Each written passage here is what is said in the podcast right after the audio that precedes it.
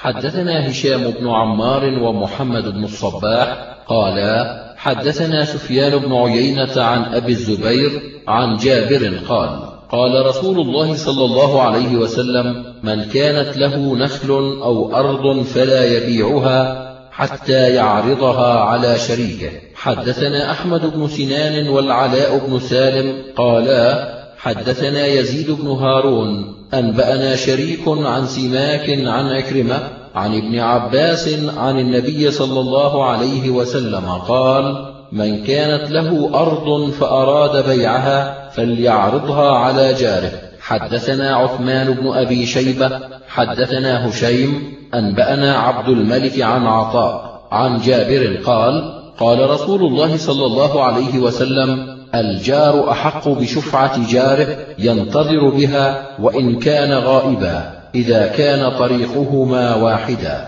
حدثنا أبو بكر بن أبي شيبة وعلي بن محمد قالا حدثنا سفيان بن عيينة عن إبراهيم بن ميسرة عن عمرو بن الشريد عن أبي رافع أن النبي صلى الله عليه وسلم قال الجار أحق بسقبه. حدثنا أبو بكر بن أبي شيبة حدثنا أبو أسامة عن حسين المعلم عن عمرو بن شعيب عن عمرو بن الشريد بن سويد عن أبيه شريد بن سويد قال قلت يا رسول الله أرض ليس فيها لأحد قسم ولا شرك إلا الجوار. قال الجار أحق بسقبه.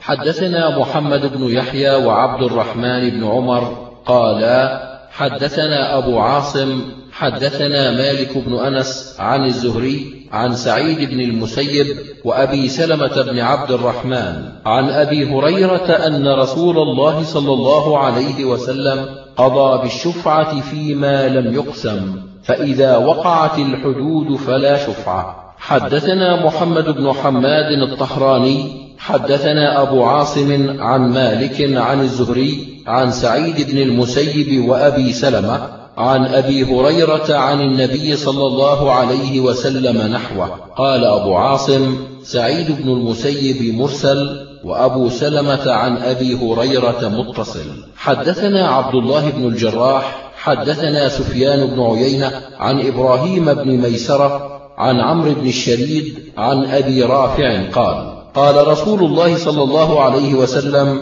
الشريك أحق بسقبه ما كان. حدثنا محمد بن يحيى حدثنا عبد الرزاق عن معمر عن الزهري عن أبي سلمة.